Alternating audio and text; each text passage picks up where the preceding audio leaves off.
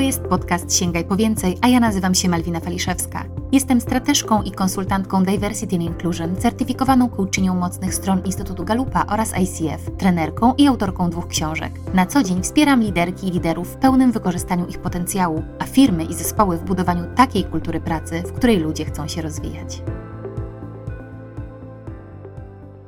Dzień dobry, witam Was bardzo serdecznie po długiej przerwie, bo ponad miesięcznej. Nie nagrywałam podcastu, ponieważ jesień przyniosła mi tak dużo projektów, że nie miałam chwili, aby zmieścić podcasty w swoim kalendarzu. Natomiast na szczęście już wracają. I słuchajcie, zaczynam od wspaniałej gościni. Dzisiejszą moją gościnią jest Agnieszka Maruda. Cześć Agnieszka, miło mi Cię witać w podcaście. Dzień dobry, cześć. Mnie też miło, że zaprosiłaś. Przyczynkiem do tego był Twój post na LinkedInie, który zobaczyłam. Oczywiście spotkałyśmy się już kiedyś i obserwujemy się od dawna na LinkedIn, natomiast Agnieszka parę dni temu wrzuciła informację o tym, że wydaje swoją książkę i jak to mój aktywator galupowy od razu kliknęłam i zaprosiłam Agnieszkę, a że się zgodziła, to dzisiaj rozmawiamy. Ale wstępnie chciałabym Agnieszkę przedstawić. Agnieszka to zawodowa mówczyni, mówczyni TEDx, trenerka, mentorka liderów, wykładowczyni, executive coach. Tutaj ważne, prezeska zarządu Stowarzyszenia Profesjonalnych Mówczyń i Mówców. Bardzo doceniam dwie formy. Wiem, że też na to pracowaliście, prawda? Tak, zgadza się.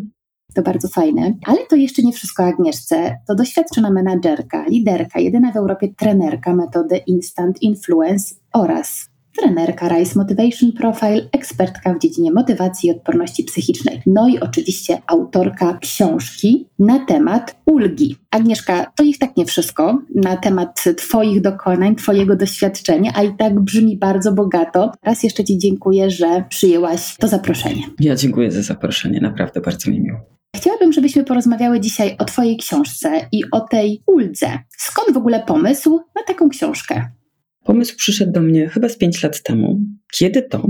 Jedna z klientek, która do mnie wtedy zadzwoniła, była w takiej dużej rozpaczy. Ona zadzwoniła do mnie z polecenia. Ja nawet zastanawiałam się, czy ona nie powinna iść na terapię, ale mówię, dobra, niech przyjdzie, zobaczymy. Najwyżej ją odeślę. Ale przez telefon powiedziała, że coś jest z nią nie w porządku. No taka była naprawdę poruszona. Ja pamiętam, kiedy powiedziałam do niej, że sądzę, że na pewno wszystko jest z nią w porządku i to się wyjaśni, jak ona przyjdzie na sesję.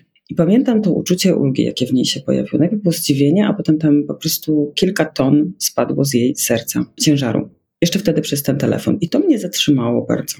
Myślałam sobie, ojej, coś tam się wydarzyło ważnego. I zaczęłam się temu uczuciu przyglądać. Natomiast to, co ważne, to jeszcze myślę, że w tej historii, i to też piszę o tym w książce, no ale już mogę zdradzić, że tamta klientka była taka zrozpaczona, dlatego że ona Mąż jej w ogóle kazał coś ze sobą zrobić, dlatego że ona rzuciła w niego butelką wina i była przerażona tym. Okazało się, że ta reakcja, chociaż była straszna z jednej strony, ona była bardzo adekwatna do sytuacji, w której była wtedy w życiu, ponieważ ten mąż ją wielokrotnie zostawiał na lodzie z różnymi sprawami i ona po prostu z bezsilności to się wydarzyło automatycznie. I ona naprawdę odetchnęła z gigantyczną ulgą, że z nią jest wszystko w porządku, że ta reakcja, jakkolwiek straszna, to jeszcze raz powtórzę, ona była normalna po latach takiego opuszczenia. I myśmy tak naprawdę nad tym też wtedy zaczęły pracować. I pamiętam właśnie ten moment tego ogromnego uczucia ulgi, kiedy ona sobie zdaje sprawę, to takich, myślę, że to do wszystkich, którzy tam słuchają, że kiedy dociera, że naprawdę z nami może być wszystko w porządku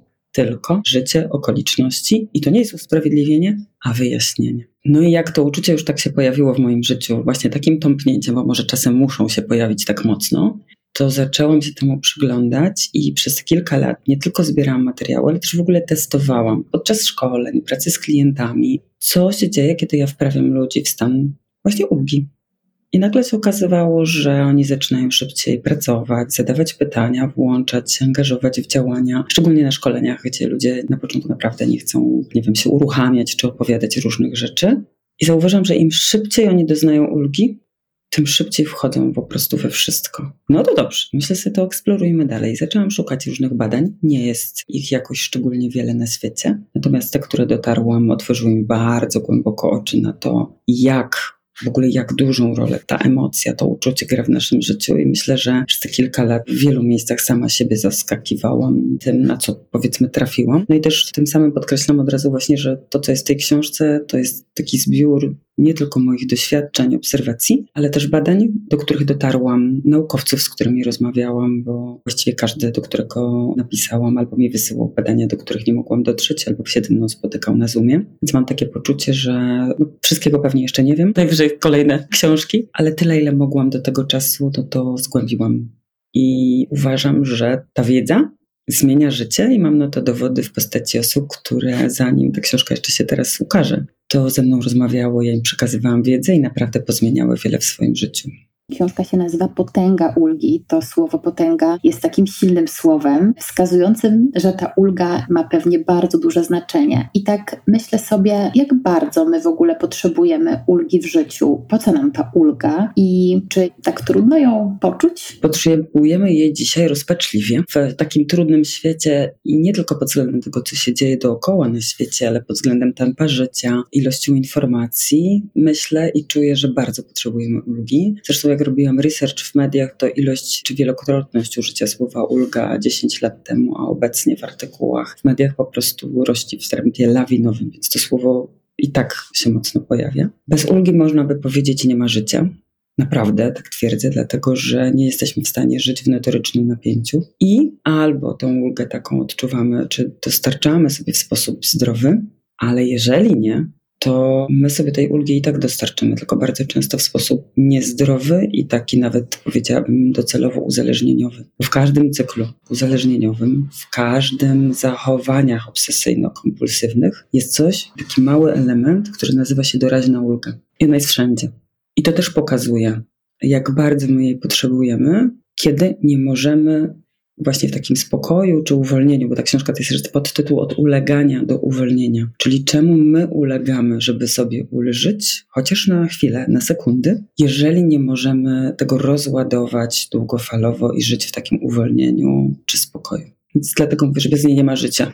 W ogóle wiesz, i właśnie jak popatrzyłam na tytuł Twojej książki, od ulegania do uwolnienia, to nagle sobie zdałam sprawę, że te słowa są powiązane, czyli ulga i uleganie. Jakoś zupełnie nie kojarzyłam ich, że one są związane ze sobą. To prawda. A rzeczywiście w uleganiu, bo my ulegamy tym ulgom doraźnym albo temu pragnieniu. I nawet jeżeli to jest nieuświadomione, bo najczęściej jest, i to też jest tak, że jak wyciągamy to na wierzch, albo jak ja o tym mówię ludziom, jak teraz no, mam osoby, które czytały tą książkę, zanim ona w ogóle była dopuszczona do korekty, to one też przede wszystkim to, co ja słyszałam, oprócz recenzji, tego, co ewentualnie tam, nie wiem, jakieś nieścisłości czy takich rzeczy drobnych, które znaleźli, to ja najczęściej słyszałam słowo dziękuję ulżyłaś im. Tak, i też to jest jedna rzecz. A druga, że tam się po prostu pojawia właśnie, tak jak mówisz, dużo takich nowych perspektyw, czyli że uleganie jest związane z ulgą, albo jak my ulegamy, czemu my w ogóle ulegamy. Które rzeczy, wiesz, takie drobne przykłady, jeżeli my kłamiemy, to my też sobie zapewniamy doraźną ulgę. Jeżeli na coś się zgadzamy za szybko, też tą doraźną ulgę. Jeżeli hejtujemy, też sobie ulżywamy. Jest po prostu cała lista zachowań, ja ją też w książce zamieściłam, które jeżeli my wykonujemy, tak, czy to jeśli coś robimy, to można od razu wiedzieć, po co my to robimy.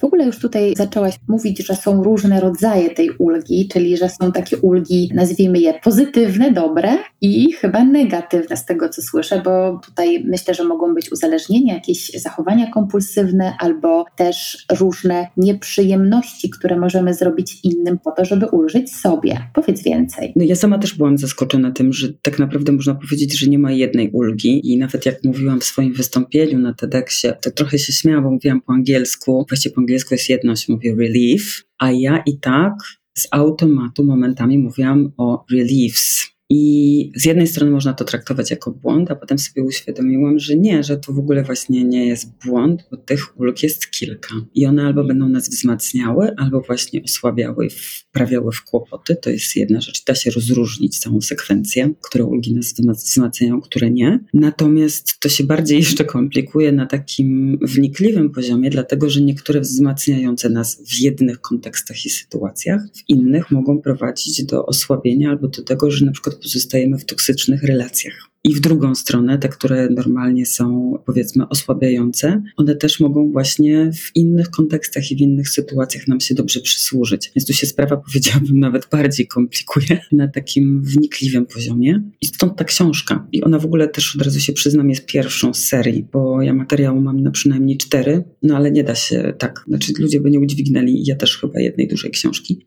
A wierzę, że wiedza, znaczy wiem już, nie tylko to wierzę w to, natomiast też wiem, że wiedza o tym pozwala ludziom najpierw zidentyfikować te nasze, te myśli, na co my się właśnie łapiemy, czemu my ulegamy i to już jest strasznie dużo.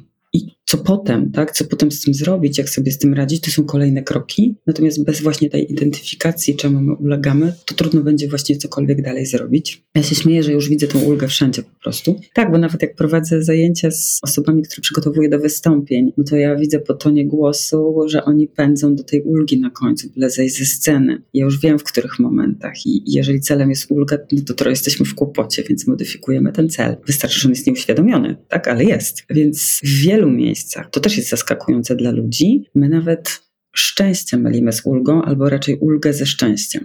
Nam się wydaje czasem, że my dążymy do szczęścia w niektórych sytuacjach, a tak naprawdę dążymy do ulgi. I tu mogę powiedzieć, o właśnie, że to jest taki dobry pomysł, bo ja mam nawet ten fragment taki rozdziału przygotowany specjalnie do udostępniania, więc możemy zrobić tak, że jakby ktoś bardzo chciał, to może się odezwać i dostanie ten fragment udostępniony, bo specjalnie wybrałyśmy z osobą, która mi to wydaje taki fragment, właśnie jest zaskakujący dla ludzi. Jak to? Szczęście to szczęście. Nie zawsze.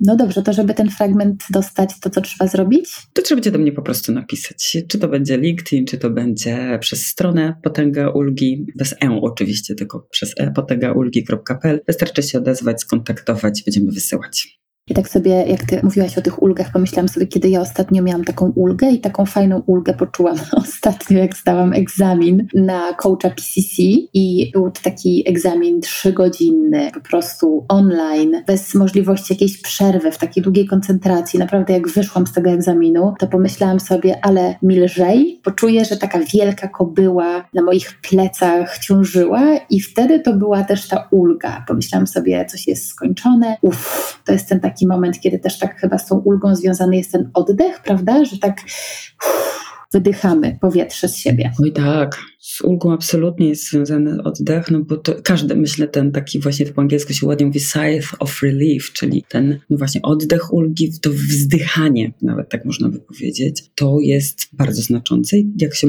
no o tym gadamy, tak, czy o tym rozmawiamy z kimś, to ludzie wtedy sobie dokładnie uświadamiają, rzeczywiście, bo nie myślimy o tym, to po prostu jest w naszym świecie, ale nie myślimy o tym, że ten oddech jest taki znaczący, a on rzeczywiście jest. I tak jak powiedziałaś, to jest jedna z ulg w momencie, kiedy my coś ukończymy coś się zakończyło, co było długie, długotrwałe, trudne, męczące. Tak, to, to jest jedna z tych wielkich ulg. Ja nawet ostatnio tak trochę przeskakuję, ale myślę, że mogę to, też to dodać, bo w kontekście, w którym byliśmy niedawno, czyli wyborów na przykład, też wyborcy czuli dużą ulgę po każdej ze stron. Z kolei jest taki badacz z Uniwersytetu w Belfaście, Aidan Finney, i on kiedyś badał właśnie rodzaje ulgi związane z wyborami. To było przy Brexicie i przy, przy wyborach w Stanach Zjednoczonych. I są dwie ulgi po zakończonych wyborach, jak się pojawiają wyniki, absolutnie wszyscy odczuwają ulgę, że się już skończyło. I to jest ta pierwsza. Uff, tak, już po wszystkim wynik jest znany, a potem jest drugi rodzaj ulgi, który odczuwany jest, czy które odczuwają te osoby, po których myśli są wyniki. Więc ulgę odczują wszyscy zawsze, jedną przynajmniej, a druga właśnie to jest u osób, które zakończyły to wyniki pomyślnie trochę tak jak właśnie z egzaminem. Pierwsza jest prawda taka, że uff, skończyłam, a druga pojawi się w momencie, kiedy dostajemy wyniki, prawda? Albo nie. Tak, to prawda. Sama to odczuwałam, bo wybory ostatnie dosyć dużo emocjonalnie mnie też kosztowały i poczułam tą ulgę. Już czekałam na ten dzień, kiedy już niewiele będzie ode mnie zależało poza oddaniem głosu, a później była rzeczywiście ta ulga. I jak tak rozmawiamy o tej uldze, to też słyszę, że zanim jest ulga, to jest jakieś napięcie, to jest jakiś ciężar, prawda? To jest coś takiego, co nas męczy i tak jak sobie o tym rozmawiamy, to próbuję sobie wyobrazić różne rodzaje ulgi. Na przykład czasami wyobrażam sobie, że tą ulgę możemy, że tak bardzo chcemy komuś coś powiedzieć albo wygarnąć, prawda? I wreszcie czasami powiemy to i uff, znowu jest ta ulga, że wreszcie powiedziałam. Albo wyobrażam sobie, że ona może być przy kłótniach, ale ona chyba może być też przy różnych innych właśnie takich pozytywnych sytuacjach. Jak o niej opowiadałaś, to mówiłaś dosyć ogólnie. Daj jakieś przykłady tych pozytywnych ulg albo tych negatywnych ulg. Dobra, to zacznę od tych negatywnych, ale nie, że taka jestem strasznie negatywna, tylko po prostu znowu mam takie przekonanie, albo widzę też, tak, bo przekonanie bierze się moje z tych doświadczeń, że jeżeli ludzie złapią te trudne albo negatywne ulgi, to oni zaczynają się w ogóle na tym łapać. My czasem strasznie szybko chcemy pójść do tych pozytywów. I to jest super oczywiście, tylko co z tego, że my polecimy do pozytywów, jak się potkniemy potem właśnie o te rzeczy, które robimy na co dzień i tak trochę można powiedzieć, no i pff, nie wychodzi. Z tych negatywnych, od mojego nazwiska zacznijmy, marudzenie. takie staropolskie narzekanie. To jest po co? Żeby sobie ulżyć. Mhm. Najczęściej to jest doraźna ulga, bo potem nic z tym nie robimy. I to są te niebezpieczeństwa. Ja nie powiem, że nigdy nie można sobie ponarzekać czy pomarudzić. I znowu to będzie zależało od kontekstu. Ona będzie nas czasem wzmacniała, jeśli to jest tylko na moment i trochę tak, jak niektórzy kiedyś mówili, że jak się roboty nie przeklnie, to ona nie działa. Tak nie idzie. I może coś w tym jest, że po prostu ludzie wtedy redukują to napięcie, bo przeklinanie też jest redukcją napięcia. I znowu co, dobre czy złe? No wszystko będzie zależało od kontekstu, prawda? Potem jeszcze tak sobie myślę o nawet jak rzucamy monetą w górę, żeby podjąć decyzję, to przecież po co to jest? Chcemy z siebie zrzucić napięcie, więc to są te momenty, w których właśnie rzucamy napięcia, hejtowanie, umniejszanie komuś, czyli ty mi mówisz o swoich sukcesach, a ja tak, dobra, tam twoje, ale mo, wiesz, ale jak książkę wydam, prawda? No i już, albo nawet nie wydam, ale gorzej, to nawet jest, jest, jestem w gorszej pozycji niż ty. Powiedzmy, i wtedy ludzie sobie tam dopiero potrafią umniejszyć tym innym, żeby siebie, tak, żeby z siebie zredukować napięcie związane z czyimś sukcesem na przykład, więc potrafią świetnie umniejszyć. Wszystkie te takie dręczenia, nękanie, mobbing, to są rzeczy, które i niestety, tak, bo to też trzeba sobie jasno powiedzieć, że ulga u jednych, właśnie w tym kontekście negatywnym, często jest po prostu ciężarem u innych. I my to jako ludzie robimy, gramy w tą grę, tak? Czyli używania sobie kosztem niestety innych ludzi. Więc to jest pierwsza rzecz. Czasem to ludzi naprawdę tak zatrzymuje, jak o tym mówię, i zaskakuje, i wtedy kurczę, faktycznie, że to o to chodzi. A z tych pozytywnych aspektów to w ogóle ulga też jest na końcu realizacji dowolnej z naszych potrzeb. To znaczy, jeżeli my mamy niezaspokojone potrzeby, i tak idąc od tych podstawowych, czyli jedzenie i picie, a potem idąc do tych wszystkich psychologicznych, emocjonalnych i tak dalej, no to jeżeli zaspokoisz głód, najpierw jest ulga, radość, nasycenie. To wszystkie elementy są dopiero później. Nawet jeżeli ta ulga ma taki wymiar tych kilku sekund. Więc zaspokojenie potrzeby jest obniżeniem napięcia. Czyli w restauracji, jak jesteś głodna i przychodzi danie, to pierwszą ulgę otrzymujesz w momencie, kiedy kelner stawia ci talerz na stole jest ów. Tak, jest ów. I te cielesne też trochę łatwiej rozpoznać, chociaż mówię, one są czasem tak szybkie i tak drobne, że możemy nawet nie zauważyć. Bo tak jak powiedziałaś, ten wymiar taki duży, tą ulgę taką dużą czujemy wtedy, jeszcze kiedy coś się nie wydarzyło. To znaczy, że my czegoś uniknęliśmy na przykład uniknęliśmy wypadku, tak? Koło nas przejechał, nie wiem, te 3 czy 5 centymetrów coś przejechało i my sobie zdajemy sprawę, że właśnie uniknęliśmy, nie wiem, śmierci albo wypadku, takiej jakiejś choroby. Jest diagnoza, którą otrzymujemy i nagle jest uff, jest dobrze, nie wiadomo jak będzie i jest dobrze. Więc te momenty duże ulgi my naprawdę potrafimy sobie zakodować i zapamiętać właśnie wtedy, a trudniej nam jest zakodować albo zauważyć te malutkie, no bo one tak jakby tak sobie tak przemykają, a właśnie o nie też często chodzi. No dobrze, czyli te pozytywne trudniej zauważyć? Nie. To nie znaczy, że trudniej, tylko czasem nawet się nie zastanawiamy, no bo czekamy na kogoś, kto dawno na przykład no nie widzieliśmy się z kimś i czekamy na lotnisku, albo nie wiem, w domu, że przyjadą goście. No i jest ulga, że przyjeżdżają, albo po co sobie wysyłamy wiadomości, czy dojedziesz na miejsce. Daj znać, jak dojedziesz. Tak, żeby poczuć rzeczywiście, czy robimy to z troski, ale też jak nie dostajemy tej informacji, to jest napięcie. To jest napięcie. Mhm. No dobrze, to w książce piszesz o różnych rodzajach ulgi, ale też ta książka jest jednak rodzajem poradnika, który daje wskazówki, jak przestać ulegać temu, co nas nie wspiera. To czy możesz chociaż trochę zdradzić, od czego zacząć przestać ulegać? Od świadomości. Jak my wiemy, w czym ulegamy, to to jest pierwsza rzecz, że ja się mogę na tym złapać i to jest ten moment. Teraz opowiem krótką historię mojej znajomej, która w momencie, kiedy skorzystała z tej wiedzy, to nie przyjęła awansu bo dostała propozycję, która wydawała się super. Zresztą ona wcześniej też obawiała się, no może ją chcą zwolnić. Wiesz, jak to jest. Nawet jak idziesz na spotkanie, masz dostać, ludzie sobie potrafią zrobić różne historie w głowie, nawet jeżeli są super specjalistkami, specjalistami, no to potrafią sobie wykombinować tam, że a co jeśli, prawda? Czyli jest to cała straszna historia, która się w głowie toczy. Potem pojawia się, o dobra, jednak, jednak mnie nie zwolnią, albo w innym wariacie, uf, jednak mnie przyjęli na przykład. I wtedy mamy taki specjalny mechanizm psychologiczny, w którym pojawia się potem ulga i my przez jakiś czas tracimy zdolność racjonalnej oceny sytuacji. Pojawia się coś, co się ładnie nazywa bezrefleksyjność i zgadzamy się na różne rzeczy, których potem żałujemy. I ta moja znajoma właśnie w tamtej sytuacji sobie przypomniała o tym i nie przyjęła. A kilka tygodni później dostała zupełnie inną propozycję, znacznie lepszą awansu. I ona powiedziała mi wtedy, że gdyby nie rozmowa ze mną, gdzie ja jej dokładnie wytłumaczyłam, jak to działa, po prostu rozmawiałyśmy tak, wiesz, towarzysko przy jakiejś kawie, to podjęła zupełnie inną decyzję wtedy. Jak mówimy o tym, to jest właśnie o to świadomość, że jak zyskujemy świadomość, to możemy się zatrzymać na chwilę i myśleć, kurczę, a może to jest ten przypadek.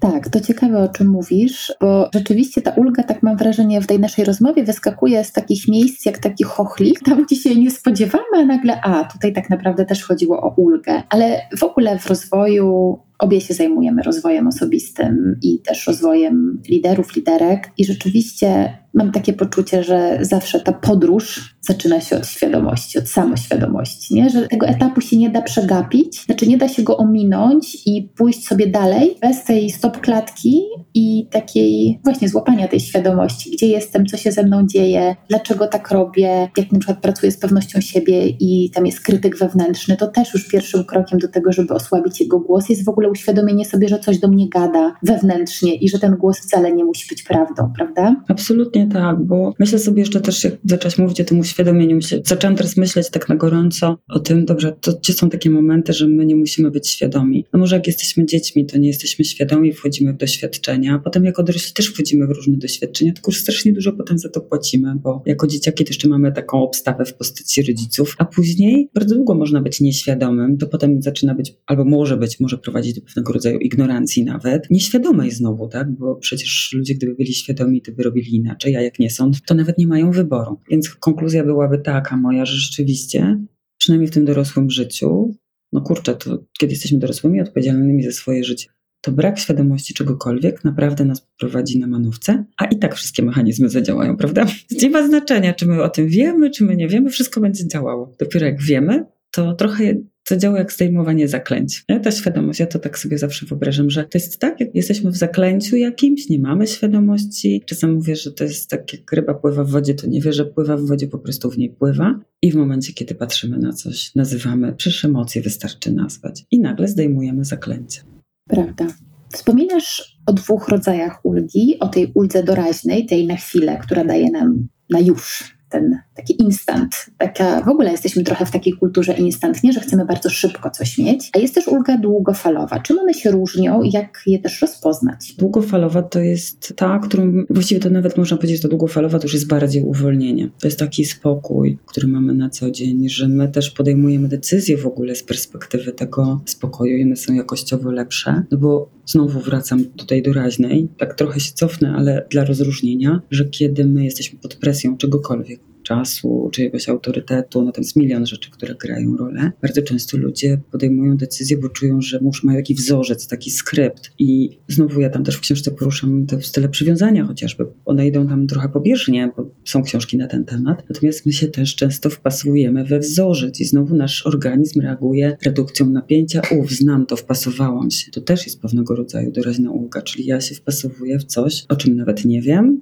ale mam taki mecz, tak? Spasowało mi. I uwolnienie to jest wyjście, ja też to tak nazywam, poza siebie. Nie wychodzi, musi wychodzić z siebie, z nerwów, tylko wyjść poza właśnie swój program, tak? Trochę się przeprogramować. I teraz wracając do tego uwolnienia, czy tutaj właśnie długotrwałej ulgi, bo mówimy o tym dążeniu do szczęścia. Jak człowiek jest tak długotrwale, można powiedzieć, zadowolony, bo co momenty szczęścia, ale to szczęście takie znowu długofalowe, to jest pewnego rodzaju spokój, swoboda. Niektórzy mówią, ktoś, kto jest w napięciu, powie, że to ktoś ma wywalone na wszystko, bo z tego poziomu to tylko tak można to postrzegać, tak? Czyli masz to gdzieś, w ogóle cię nic nie obchodzi, jak masz spokój, ale tak mówi osoba, która żyje w napięciu. Ona w ogóle nie była nigdy w takim spokoju, więc jej się wydaje, że po prostu mamy to gdzieś. Zresztą znowu wracając, ja cytuję w tej książce parę takich tytułów, gdzie my tak bardzo pragniemy ulgi, że dużą popularnością cieszą, się cieszą się te wszystkie cyk, it,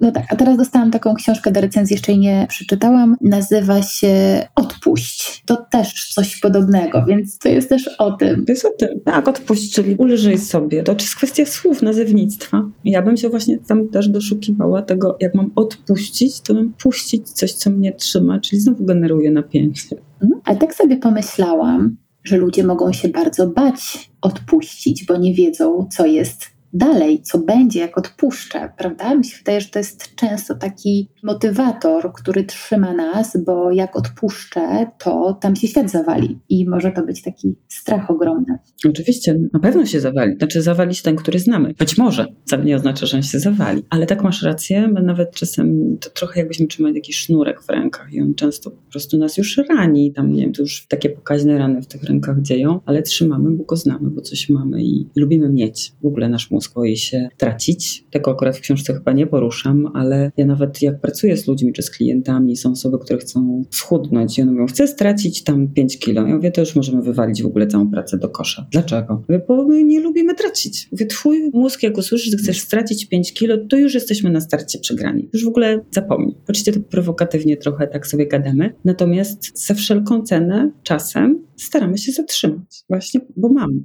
Też mam takie doświadczenia, że zmiana kojarzy się ze stratą. Absolutnie. I zawsze myślę sobie tak, że zmieniając, oczywiście tracisz jedno, ale w to miejsce możesz włożyć coś innego, na co teraz nie ma miejsca, prawda? To jest taka też historia o tym. Tak, ja myślę, że nawet warto przeformułowywać sobie o rezygnowaniu z czegoś na rzecz tracenia, bo jeżeli rezygnuję, to znaczy, że to ja robię. Jak tracę, to tak jakby ktoś mi zabrał. Oczywiście to nie musi tak być, natomiast takie są konotacje gdzieś w głowie i naprawdę wystarczy przecież, że ludzie mają takie połączenia i to już nas trzyma. To już znowu jesteśmy trochę niewolnikami tego, dlatego jest od ulegania do uwolnienia.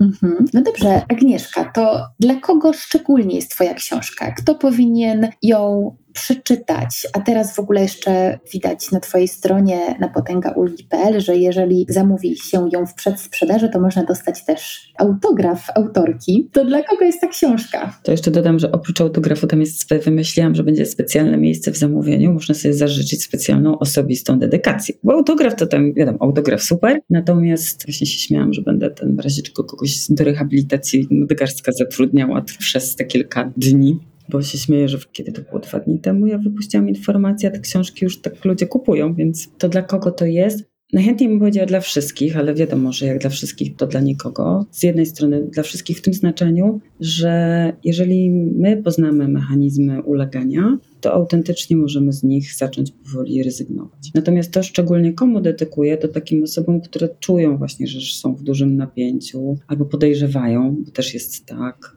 powiedzmy to sobie szczerze, że dużo osób jak jest w coraz większym napięciu, to w pewnym momencie już przestaje w ogóle czuć. Znaczy nie wie, że jest w tak dużym napięciu, że po prostu wydaje im się, że no tak jest, to jest normalne, a nie jest. Znaczy normalne jest w tym sensie, że dochodzimy do takiego miejsca, ale nie jest to naturalny stan. O może tak, nie to, że to nie jest normalne, tylko to nie jest naturalne. Więc to jest dla takich osób. Na pewno też dla, myślę, liderek, liderów będzie jeszcze książka pod kątem ulgi już skierowane tak bardzo, bardzo do biznesu. Natomiast tu jest dużo takich wątków, które można sobie wyciągnąć. Dla osób, które chcą polepszyć relacje ze sobą samym, samą, i z innymi ludźmi. Tam jest kopalnia właśnie wiedzy dla osób, które chcą przestać właśnie ulegać. Bo czasem tak jest, że my się zmagamy z czymś, że czujemy, że moglibyśmy inaczej, to tam też znajdą. I ona nie jest wprost, bo nie jest dedykowana wprost, czy nie mówię o tym, że to jest dla rodziców, ale też jest. Dlatego, że kilka mechanizmów ulgowych, które ja tam opisuję, opisuję je też na różnych przykładach życiowych i one są wzięte i z zawodowych obszarów, i z rodzicielskich. Więc tak, a zresztą ja też sobie czasem żartuję, że praca lidera to tego trochę rodzica i w drugą stronę. Te wątki się czasem przecież przeplatają. To jeśli my sobie stamtąd pozabieramy wiedzę o mechanizmach, którym ulegamy my i ludzie dookoła nas, a potem przejdziemy do takiej części, którą nazywam Schakuj System i tam jest kilka takich rzeczy, które mogą być bardzo pomocne w rozumieniu albo w wychodzeniu z tych mechanizmów,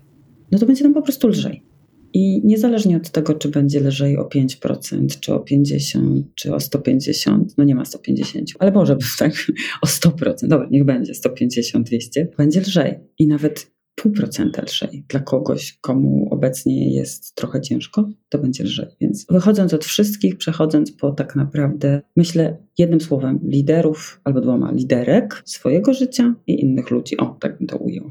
Bardzo ładnie, no bo w końcu ważne, żebyśmy nie żyli na automacie i na autopilocie, tylko no, mieli tę świadomość, o której przed chwilą powiedziałyśmy. Ciekawa ta Twoja książka. Jeszcze oczywiście nie czytałam, bo tak jak wiemy, jest dopiero w przedsprzedaży i dopiero na święta się ukaże, prawda? Dziś przed świętami. Mhm. Ona będzie w grudniu. To już najpóźniej 15. My podałyśmy to, podajemy termin, że od 15 będziemy wysyłać. Jeśli się uda wcześniej, to oczywiście wcześniej, natomiast to jest maksymalnie taki termin, gdzie ona będzie No w tej chwili jest po prostu w składzie, że tak powiem, i za chwilę w druku. Ale już jest gotowa, tak, zakończona. No dobrze, to tak zbliżając się do końca naszej rozmowy, Agnieszka, czy poczułaś ulgę, jak skończyłaś książkę? oczywiście, że tak. Znaczy, to jest pierwsza ulga, którą poczułam, bo skończyłam. I ja nawet piszę, tam zakończenie jest, wiadomo, jest właśnie w kontekście ulgi. Natomiast kolejną poczuję, jak już ją zobaczę w takiej formie złożonej do końca, że tak, że już tam będzie błogosławieństwo moje, możemy ją wypuszczać, drukować. Kolejna, jak wyjdzie, wróci z drukarni. Kolejna będzie, jak już wypuszczę albo skończę wypisywać, więc tych ulg będzie pewnie jeszcze wiele. Natomiast faktycznie po dwóch latach pisania, to też podkreślę, ja dwa lata pisałam tą książkę. I oczywiście nie codziennie, no ale prowadzę też swoje życie codzienne i projekty dla klientów. I był taki czas, gdzie wygrywały inne rzeczy przed książką, a pół roku temu postanowiłam, że tak to robimy, że książce nadaje priorytet i reszta się musiała dostosować. Znaczy musiała, no ja dostosowywałam wszystko do tego. No to tak, to poczuję ulgę. Pięć lat z kolei właśnie zgłębiania tematu.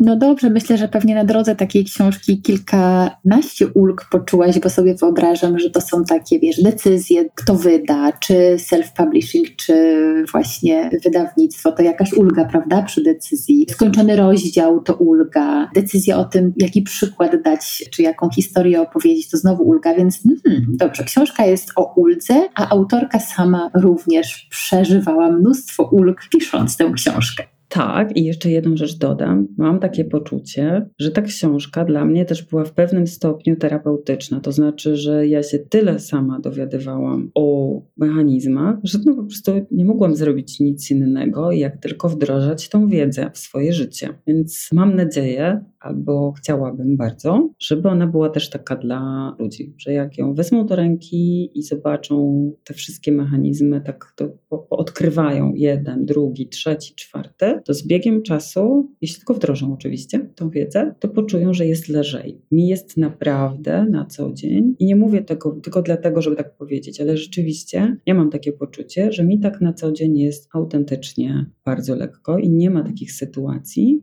albo ich jeszcze nie trafiłam na nie. Ktoś może powiedzieć, no poczekaj, mm, zobaczysz. Mam takie poczucie, że nie ma takich sytuacji, z których nie mogłabym wybrnąć w jakiś sposób i po prostu to wszystko sobie jakoś tak płynie. O, tak by to można powiedzieć. Ja wiem, że dla osób, które są w spięciu, napięciu, to brzmi po prostu jak zwariowała Maruda, co ona tam mówi i w ogóle jak to jest możliwe, to jest niemożliwe. To jest możliwe, tylko oczywiście do tego jest droga. I teraz to nie jest tak, że ja nigdy tam nie byłam w tych mechanizmach napięciowych. Wręcz przeciwnie. Zresztą tam piszę też o swoich mechanizmach ulgowych od wieku nastoletniego, bo dzisiaj już wiem, z czego one się wzięły. Ja rzeczywiście dosyć mocno chorowałam, wyszłam z tego. Zachęcam, bo się po prostu dzielę tym, co tam zadziałało. Więc też można powiedzieć, że ta książka nie jest oczywiście o moich doświadczeniach moich. Tam jest o doświadczeniach moich klientów, znajomych, tych osób, które się podzieliły różnymi historiami, ale właśnie prowadzi do tego, że od tych trudnych bardzo rzeczy, od życia w napięciu, w tym uleganiu, można przejść do, do miejsca, w którym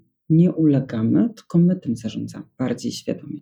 Oczywiście, to nie znaczy, że jestem idealna i nigdy nic mi się nie zdarza. Tylko odróżnia mnie potem to, że ja mam totalną świadomość, co się w danym momencie dzieje i mogę się z tego natychmiast wycofać albo to zmienić, nie wiem, przeprosić kogoś i znowu tym zarządzić. I ostrzegam, tego się nie da odzobaczyć. Bo to trochę tak jest, że już potem nie ma usprawiedliwień, no bo skoro wiem, albo ktoś już wie, to co, cofnąć teraz do tego funkcjonowania w niewiedzy? No nie. Więc też ostrzegam, że jak już zobaczymy, to to się nie da odzobaczyć i potem trzeba z tym żyć. Ale jest lżej. No dobrze, to jak jest lżej, mimo że się nie da odzobaczyć, to bardzo serdecznie polecamy. Ja Tobie, Agnieszka, bardzo serdecznie dziękuję za tę rozmowę. Super, że stworzyłaś książkę, która przynosi ulgę ludziom i czas na zakup mojego egzemplarza. Mam nadzieję, że zdążę właśnie w tej, wiesz, jeszcze tutaj przed sprzedaży, żeby od razu mieć osobistą dedykację. O, tam jest osobista dedykacja, jest... A, i jeszcze jest jedna ważna rzecz. Tam jest taki drobny zeszyt ćwiczeń, bo w ogóle kolejna, żeby mogę zapowiedzieć, druga książka to będzie o uldze i zeszyt ćwiczeń do pracy, bo już mam ten materiał zrobiony, tylko się nie zmieścił do książki, więc trzeba było to podzielić. I dlatego te osoby, które kupią do 23, to w grudniu też razem, jak będzie wysyłać książkę papierową, to dostaną wersję taką właśnie cyfrową, takich drobnego mini zestawu ćwiczeń, także będą też ćwiczenia. Także warto, do 23 listopada można się zmieścić. Potem and a my dzisiaj nagrywamy 2 listopada, więc spokojnie mam nadzieję, że zdążymy opublikować ten podcast jak najszybciej. Ja w każdym razie, słuchajcie, poczułam ulgę, że zaczynam nową serię podcastów po tym, jak ponad miesiąc to mi ciążyło, jak już długo, długo dla Was nie nagrywałam, ale rzeczywiście no, był taki czas intensywny, który no, nie pozwolił mi na spokojne myślenie o podcastach. I z tą ulgą dziękuję Ci raz jeszcze, a Wam życzę jak najwięcej ulg, tych pozytywnych, łapania się na tych niekoniecznie Wam służących. No i oczywiście zachęcam Was do komentowania na LinkedIn. Tam znajdziecie i Agnieszkę, i mnie. Możecie pod postem dać nam znać o Waszych ulgach. To trzymajcie się, życzymy Wam pięknego dnia ze świadomymi ulgami. Jeśli podobał Ci się ten odcinek, udostępnij go znajomym. Podziel się komentarzem na LinkedIn, Instagramie lub Facebooku i włącz się do dyskusji w temacie tej rozmowy. Zasubskrybuj mój kanał, aby być na bieżąco z najnowszymi odcinkami i powodzenia w Twoim sięganiu po więcej.